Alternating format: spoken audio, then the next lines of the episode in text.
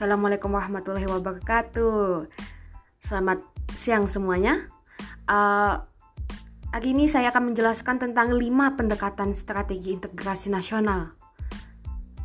Yang di antaranya satu adanya ancaman dari luar, dua gaya politik kepemimpinan, tiga kekuatan lembaga-lembaga politik, empat ideologi nasional, lima kesempatan pembangunan ekonomi.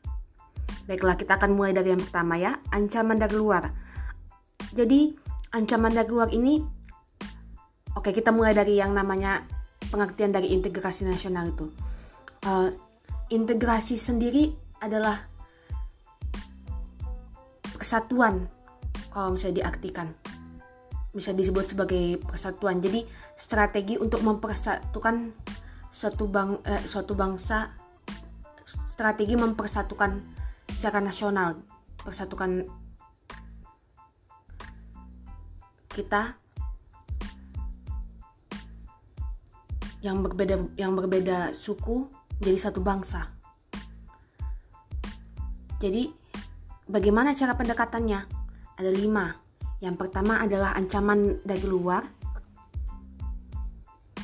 Ya bisa dibilang uh, misalnya waktu dulu Indonesia ada dari suku Batak, suku Padang, suku Jawa, Melayu, banyak.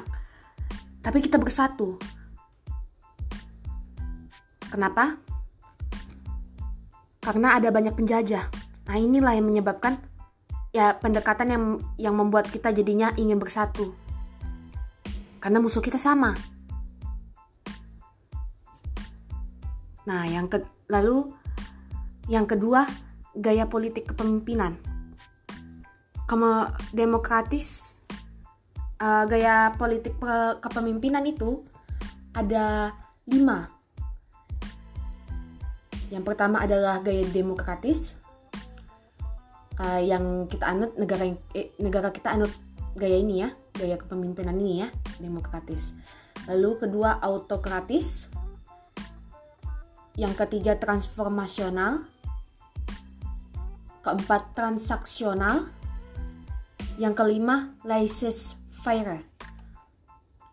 Jadi yang demokratis ini uh, pemimpinnya itu kayak uh, mengutamakan untuk membuat keputusan itu maka uh, berdiskusi dulu. Jadi pemimpin diskusi dulu dengan timnya, dengan organisasinya, dengan orang-orangnya, anggota-anggotanya. Yang kedua, autokratis ini, nah autokratis ini kebalikan dari yang demokratis. Pemimpinnya aja langsung membuat keputusan. Saya kurang tahu kalau misalnya untuk contoh dari uh, suatu negaranya, tapi kalau untuk contoh kecil, Steve Jobs dia menerapkan kepemimpinan gaya, gaya kepemimpinan autokratis ini. Lalu yang ketiga, transformasional, gaya yang ingin membuat perubahan. Jadi dia ini kayak gaya uh, ciri-cirinya itu dia kayak mau buat perubahan-perubahan terus gebrakan gitu. Bisa berupa peningkatan kebudayaan, membalikkan keadaan, juga mendapatkan keuntungan yang lebih.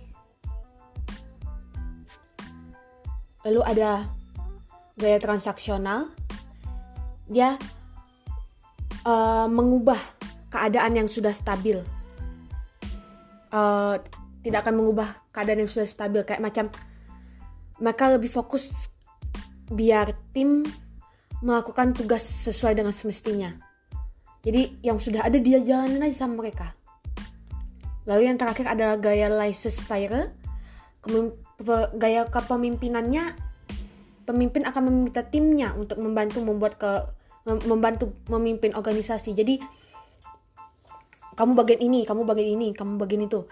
Kamu mutusin bagian uh, ekonomi, kamu mutusin bagian ini bagian hubungan antara luar negeri. Nah, kayak gitulah dia Fire. Lalu yang ketiga adalah lem, eh, yang ketiga lembaga politik. Jadi sekarang kita masuk ke uh, pendekatan yang ketiga ya, pendekatan strategi internasional. Uh, yang ketiga adalah lembaga politik. Jadi lembaga politik ini kembali ke lembaga politik ini. Jadi kan dalam sebuah negara tertentu itu ada sebuah pemerintahan dan juga ada interaksi antara masyarakatnya kan.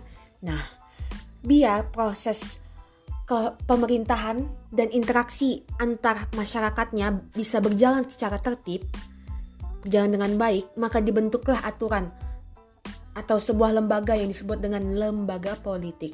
Jadi semakin jadi dibilangnya uh, kekuatan lembaga-lembaga politik ya yang di sini ya tertulis.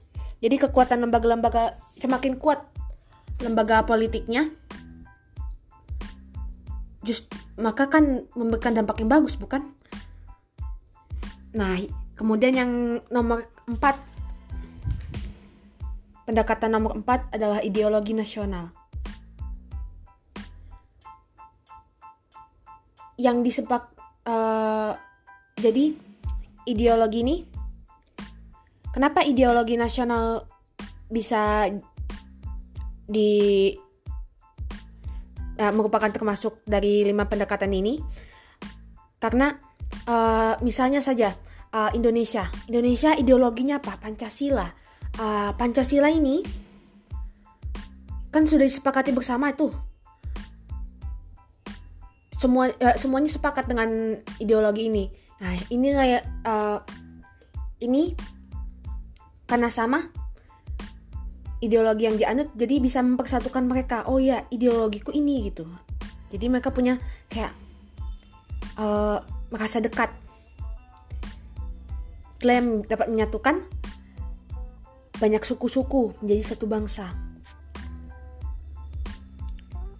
Uh, dan yang terakhir adalah kesempatan pembangunan ekonomi. Kesempatan pembangunan ekonomi ini uh, jadi ada kesem uh, ada sebuah kesempatan. Suatu suku beberapa suku ini kalau misalnya bersatu ini bisa membangun suatu uh, membangun suatu ekonomi gitu. Bangun ekonomi. Jadi nanti setelah dijalanin ekonomi itu akan menimbul uh, akan memberikan keuntungan bagi mereka uh, ekonominya merata gitu maka tersejahterakan secara ekonomi. Jadi uh, dari sinilah menimbulkan rasa persatuan karena masyarakat merasa senang dan tenang, maka merasa diuntungkan dari hal ini. Oke, sekian dari saya. Uh, sekian dari lima pendekatan strategi in integrasi nasional dari saya. Uh, kurang lebihnya mohon dimaafkan. Terima kasih.